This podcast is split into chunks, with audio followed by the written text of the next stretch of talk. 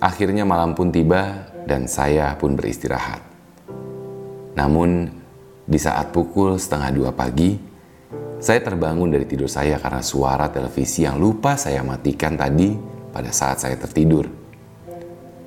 Dan di saat itu juga saya tersadar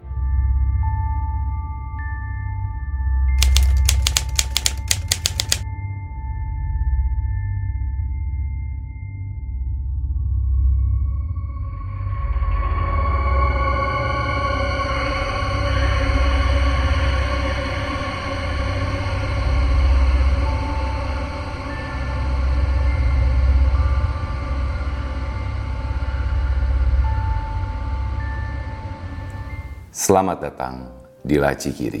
Lagi ceritain kisah misteri. Untuk tayangan audiovisual bisa dinikmati di YouTube channel Nico Oliver dan untuk tayangan audio podcast bisa dinikmati di Laci Kiri. Dan untuk episode Laci Kiri kali ini, saya akan menceritakan pengalaman salah seorang sahabat saya ketika dia harus dirawat di rumah sakit. Mari kita mulai kisah misteri kali ini sosok hitam di rumah sakit. Kejadian ini saya alami sekitar 10 tahun yang lalu saat saya harus mendapatkan perawatan di rumah sakit karena tifus. Saat itu saya harus rawat inap di salah satu rumah sakit di bilangan Jakarta Selatan. Memang sebelumnya saya sudah beberapa kali mengalami interaksi dengan makhluk astral, meskipun biasanya hanya sekelibat. Namun pengalaman yang saya alami di rumah sakit ini bisa dikatakan sebagai salah satu pengalaman saya yang cukup kuat dengan energi negatif yang ada. Saat itu saya sudah dirawat selama tiga hari. Dan memang saya memilih kelas perawatan kelas 1, sehingga hanya ada saya di dalam kamar rawat tersebut. Sebelumnya memang ada kerabat yang datang mengunjungi saat jam besuk, dan juga ada yang menemani jaga malam saat saya dirawat selama dua hari sebelumnya. Namun pada hari itu kebetulan kerabat yang biasa menemani jaga malam memiliki kesibukan yang tidak dapat ditinggalkan sehingga saya berada di kamar sendirian. Yang sebenarnya tidak menjadi masalah buat saya. Karena meskipun sedang dirawat inap, saya masih bisa melakukan berbagai aktivitas untuk menghibur diri. Akhirnya malam pun tiba dan saya pun beristirahat. Namun di saat pukul setengah dua pagi, saya terbangun dari tidur saya karena suara televisi yang lupa saya matikan tadi pada saat saya tertidur. Dan di saat itu juga saya tersadar bahwa selang infus saya sedikit terlilit dan juga menjelang habis. Saya pun memutuskan untuk menekan tombol bel untuk memanggil suster jaga. Selain untuk meminta ganti infus, sekaligus juga untuk membenarkan selang infus yang terlilit.